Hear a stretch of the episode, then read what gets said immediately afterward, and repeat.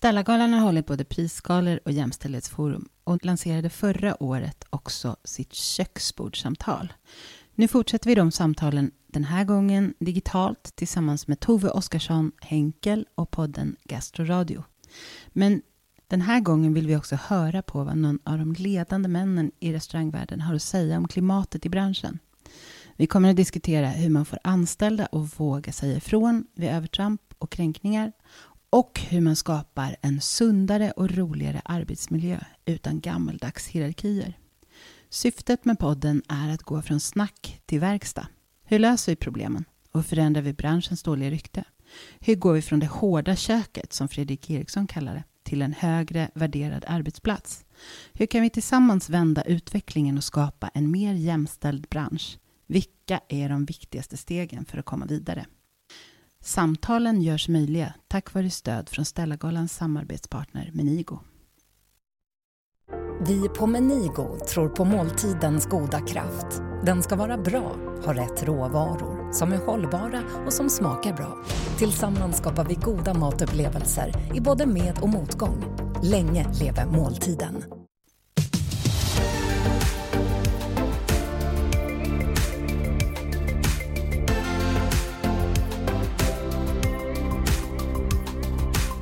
Här är Stellagalan i Gastroradio. Idag med Anita Lindström som har arbetat för svensk gastronomi i två decennier.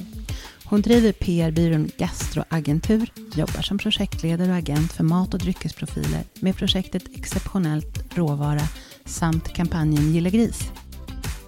Hon är dessutom ordförande för Stellagalan och kommer här idag samtala med Fredrik Eriksson bland annat om ledarskap, om hur man skapar en trygg miljö hur en ledare bör arbeta aktivt för jämlikhet och mot sexuella trakasserier.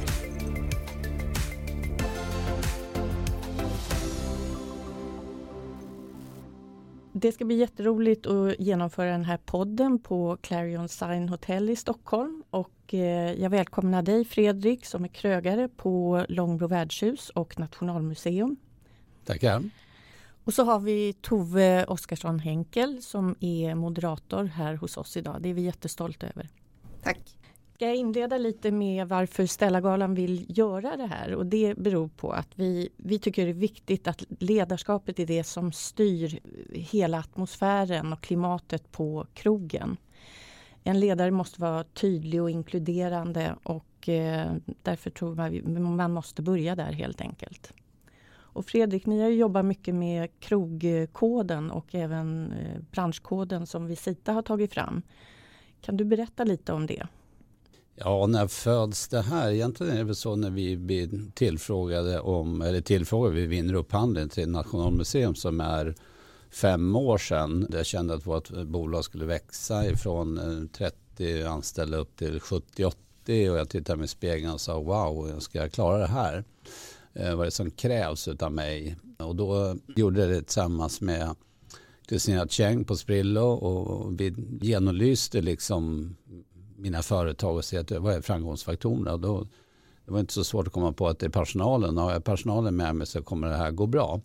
Och då börjar vi titta på ja, men vad är det som attraherar den unge killen och tjejen liksom på en arbetsplats. För, och då kommer man ganska snabbt fram till liksom att vår bransch har kanske inte haft fokus på eh, den frågan utan man kämpade väldigt tidigt för att laga god mat och service och den helhetsupplevelsen ute på golvet. Men däremot vad som hände bakom luckan har vi inte haft så stort fokus på. Då kände att där måste vi hitta ett nytt, ja, men ett nytt klimat och, och, på vilket sätt ska vi göra det och hur, hur ser den äldre generationen som kanske har varit med i det hårda köket till det den, den mer utmanande, krävande yngre generationen som kommer in. Och där någonstans börjar vi och sen har ju krogkoden blivit våran liksom ja, men bok, eller ska säga, en handledare, verktyg som vi använder oss av. Och sen så valde då HRF och Visita att utveckla branschkoden som är större, Eh, som, ja, men det leder också in till hur man ska anställa på rätt sätt och hur, hur, vad händer när man behöver permittera lite mer tekniskt så. Mm. Ja, för det är ju jätteviktigt det här med tydligheten och få in de unga. De behöver väl oftast ha faddrar eller mentorer skulle jag säga. Det är så lätt att det blir ett klimat, även om ledaren är tydlig och inkluderande så måste det också avspeglas i organisationen.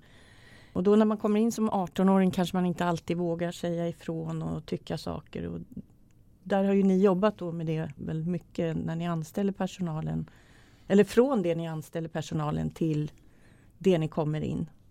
Ja, det är nog viktigt eh, och där kan vi inom vårt företag också bli ännu tydligare vid anställning just vad, vad har man för, för kravställningar, vad har man för förväntningar och en dialog runt omkring det. Vi gör en ganska tydlig presentation om vad vi, vad vi gör. Då pratar vi inte så mycket om hur man gör en, den godaste köttbullsmeten utan det är mera våra värderingar och vad ska vi stå för. Nej, men jag har en liten fråga Fredrik kring det här. När ni startade Krokoden, kände du att det fanns ett behov av det i branschen? Är det här någonting som du tycker har saknats? Jo, men så är det ju. Men sen kan man ju se, jag tror det är våran bransch, men det kanske är flera branscher också där man, där man behöver förtydliga liksom hur, hur det är en bra arbetsplats.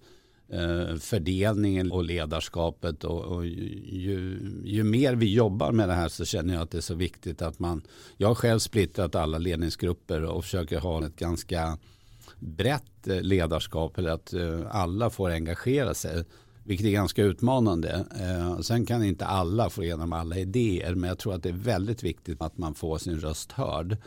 Och eh, som jag känner nu så handlar det väldigt mycket om att att ligga nära personerna så att man har en dialog. Vi har ju pratat om utvecklingssamtal och en gång, två gånger per år. Liksom. Jag skulle vilja ha en utvecklingssamtal en gång i månaden. Den, den här lilla två minuters klappen på axeln och liksom känns det bra, är vi på banan?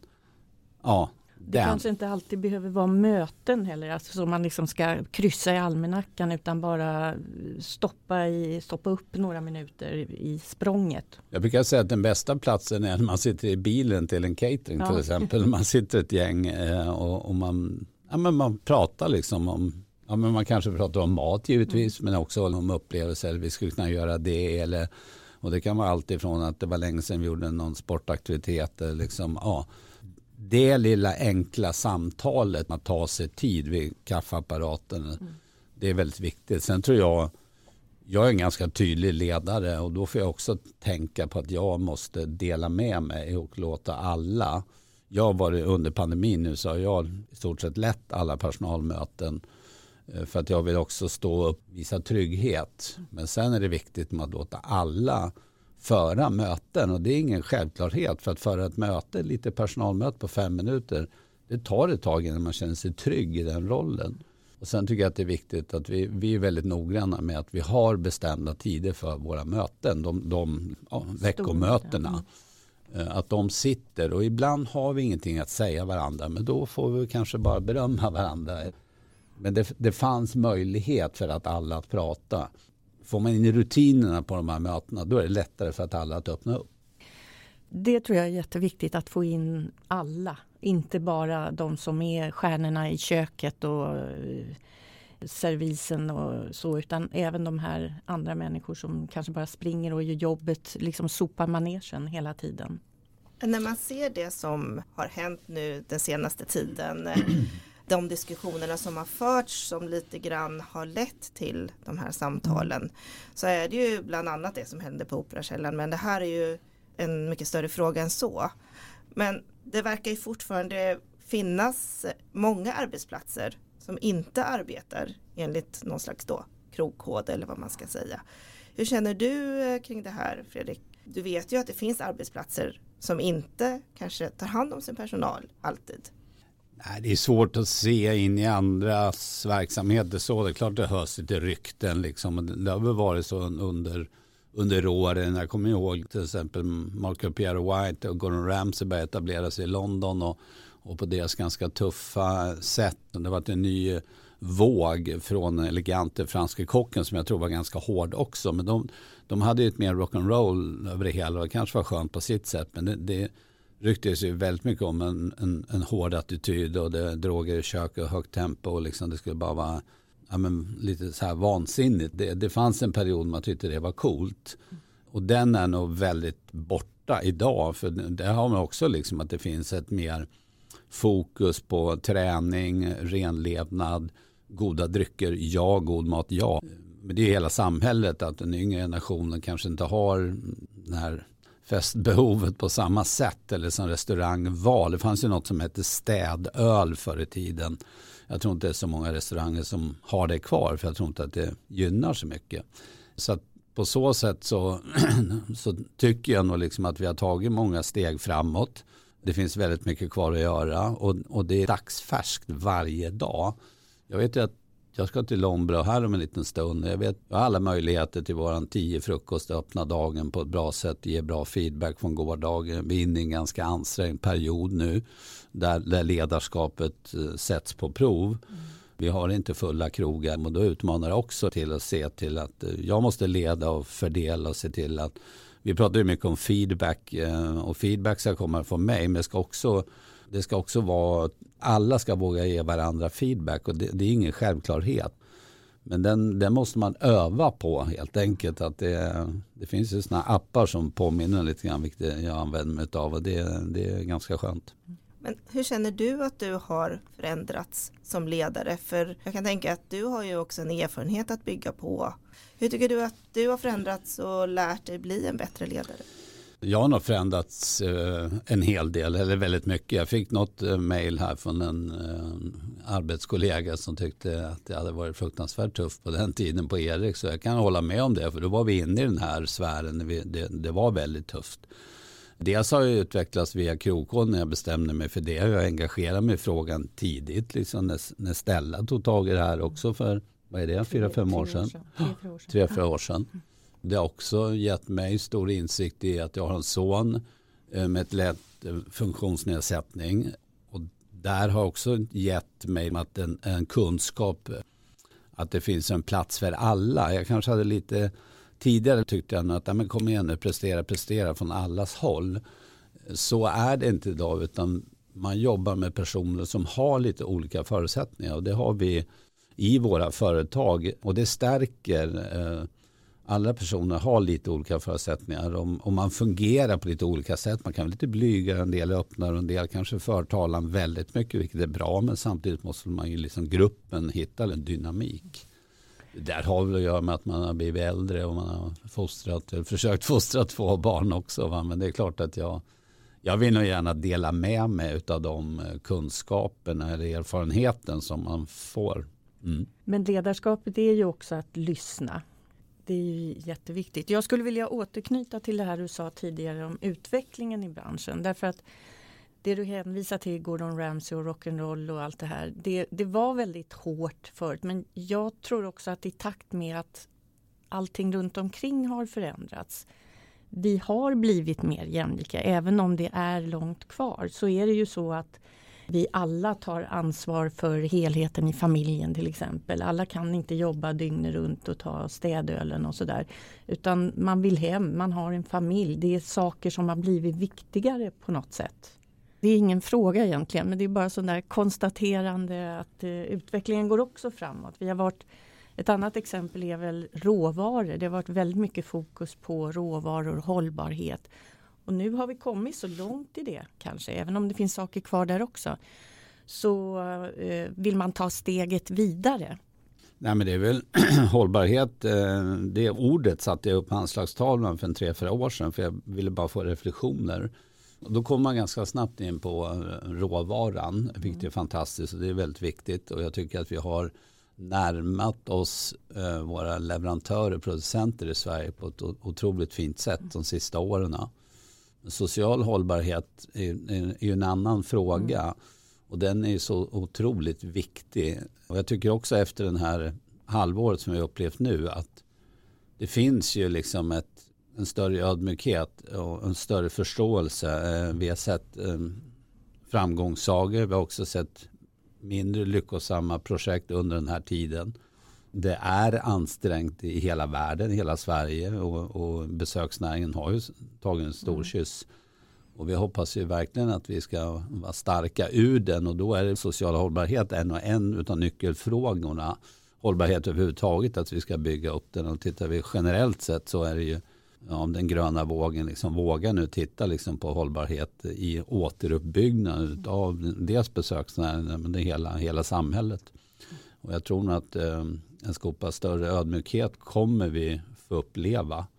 Lite större tacksamhet, lite ödmjukhet. Du måste nästan lite kortfattat berätta om krogkoden tycker jag. Ja men krogkoden om man tittar på hur vi jobbar med den så är det en, en eh, personalhandbok som är digital.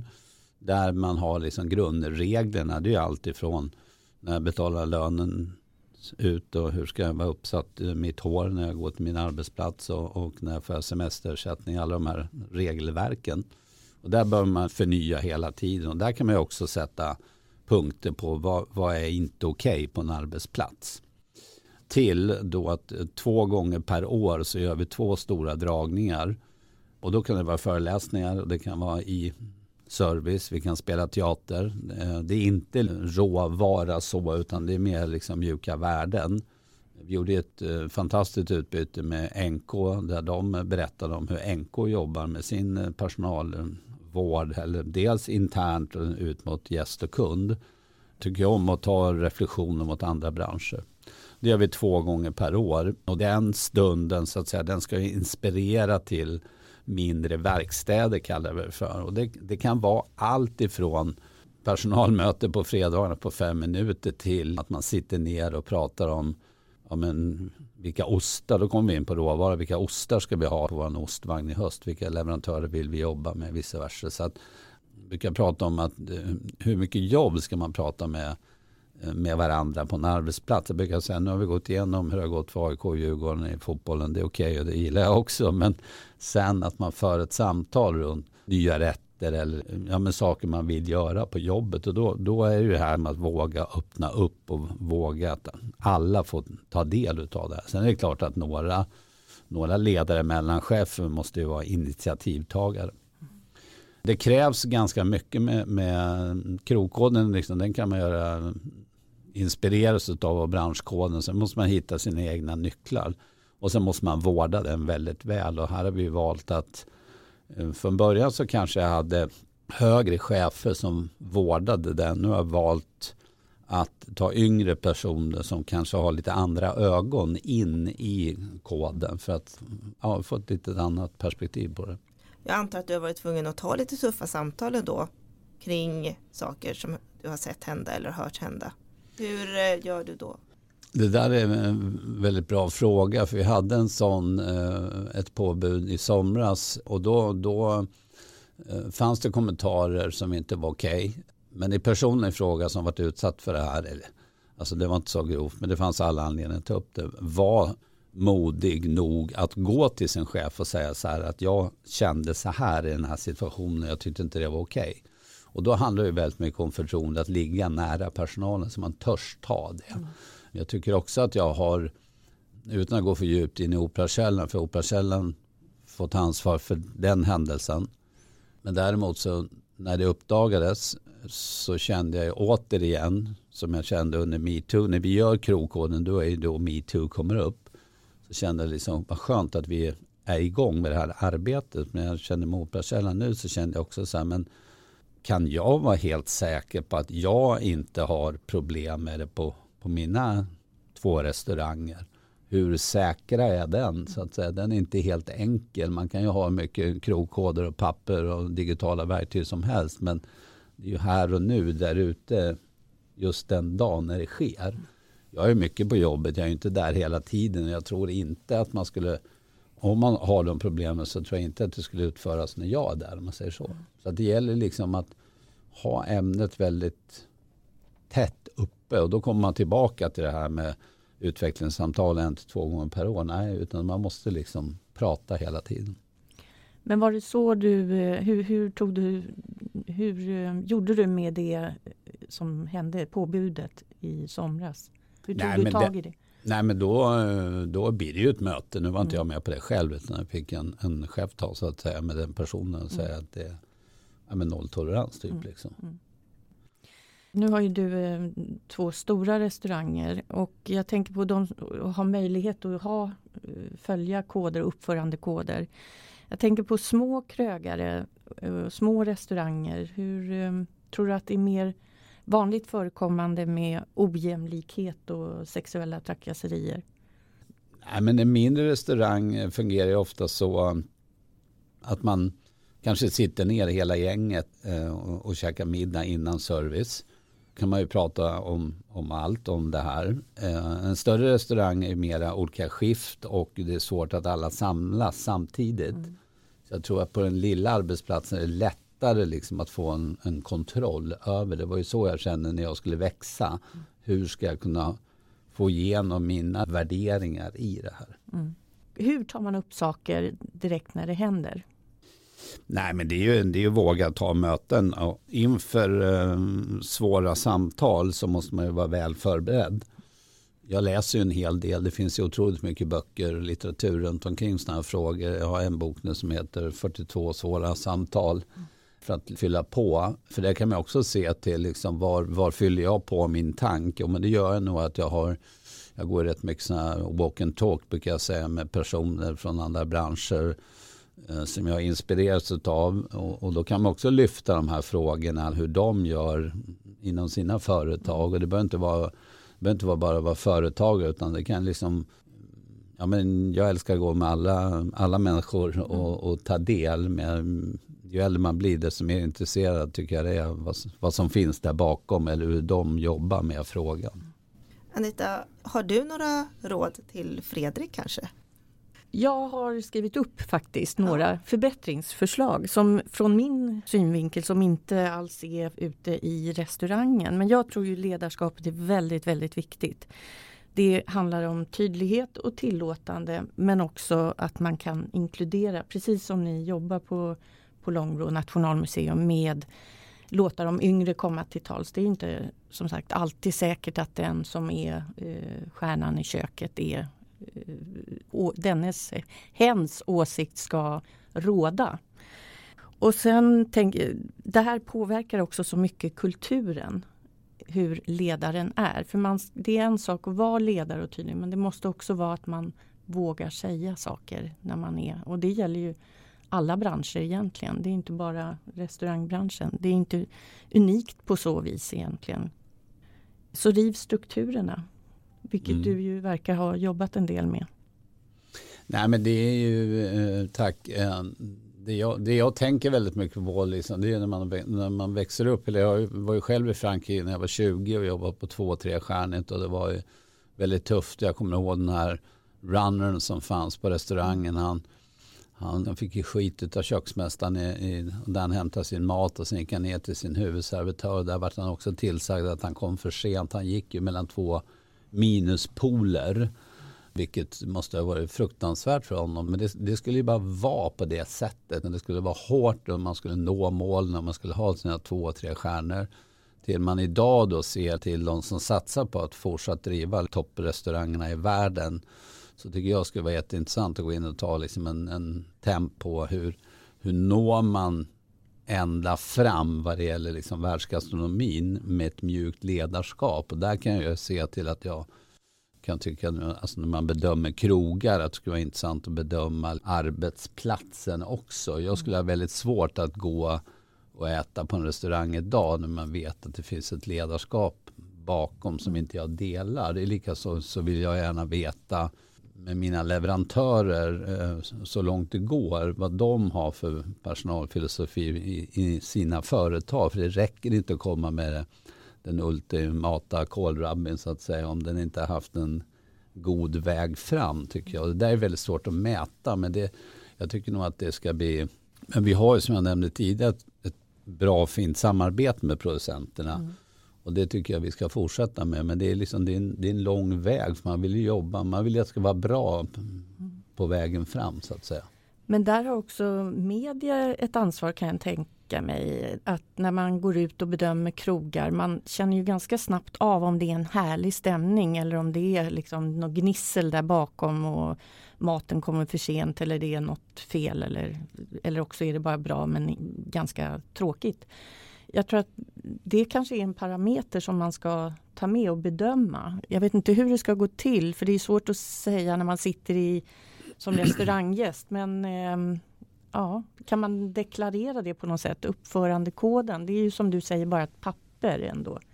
Men jag tror liksom om man tittar på chefs så eh, runt om i världen så tror jag att de bör kliva ner lite grann. Kommer aldrig, eller jag kan bjussa på den eh, med vad käkade hos Mike Veira som är, har tre stjärnor, tror han har det fortfarande, i Annecy i Frankrike och vi var där ett stort sällskap. Eh, vi hade en kvinnlig eh, värd, värdinna som skulle betala för oss. Och eh, vi frågade om vi skulle kunna få träffa Monsieur Veira. Och vi kom ut och då låg han i soffan och, och, och reste sig inte ens upp. Och jag hade ju säkert en alldeles för dyr nota för det här. Och då kände jag den här den jargongen idag, den finns ju inte på världskartan. Utan idag en framgångsrik eh, stor chef han måste ju också bjuda på respekt, ja, och, och um, korrekt och allting där. Men, men en värme, en känsla. Därför tycker jag det är intressant att uh, ta del av stora in, industriledare eller tunga vd som också har ett, uh, självklart ett tydligt ledarskap men också att det finns en mjuk uh, sida som har ett stort intresse för de här frågorna. Jag tror att de är väldigt viktigt. Jag tror de stora bolagen också har kapacitet till att eh, visa vägen så att vi kan haka på där och ta del av det. Värdskapet är nog så viktigt, verkligen. Mm. Till lite försvar för recensionerna här som, ja, förlåt, förlåt. som du tog upp. Nej, jag ville bara säga att jag är ju ganska jag tycker inte att man kan alltid läsa ut det när man kommer Nej. på ett krogbesök. Och jag hade ju faktiskt ingen aning om vad som hände på Operakällaren. Nej. Däremot så får man ju alltid höra saker efteråt då när, när saker kommer upp. Mm. Då tror jag att man undviker att gå på den krogen. Mm. Och det tror jag också har hänt i det här fallet. Mm. Jag tror ändå att när sånt här kommer upp så, så reagerar gästerna. Jo men det sprider sig ju i branschen först såklart. För alla känner ju alla på ett eller annat sätt och, olika omvägar. Men det, vi pratar ju också kroggästen. Hur ska de få veta det här? Men jag tror att man, man känner, om man tittar liksom på en, en ambians eller en skön känsla i en matsal. Mm. Alltså när, när, vi lagar god mat och servicen är bra och man får liksom en bra flow i en service då smittar det av så väl till gästen. Men däremot så tror jag vi alla har sett att någon gång, kanske framförallt i, i Frankrike, där man har sett någon nonchalant ryck, ryckning på axeln eller man till och med har skällt ner någon person inför gäster. Mm. Liksom, att det där lämpar sig inte. Eller sommelieren är för sen med vinet och lite eh, som jag berättade om den här personen som sprang mellan två minuspoler. Då blir det ju väldigt svårt att få upp ett naturligt leende. Den typen av upplevelse tycker inte jag man ser på samma sätt idag som man såg. För då var det liksom, nej men det var okej på den vänster. Och det, det är ju inte okej idag. Utan det, man vill ju ha värme och, och känsla runt, återigen, värdskapet mm. eller mottagandet. Så viktigt.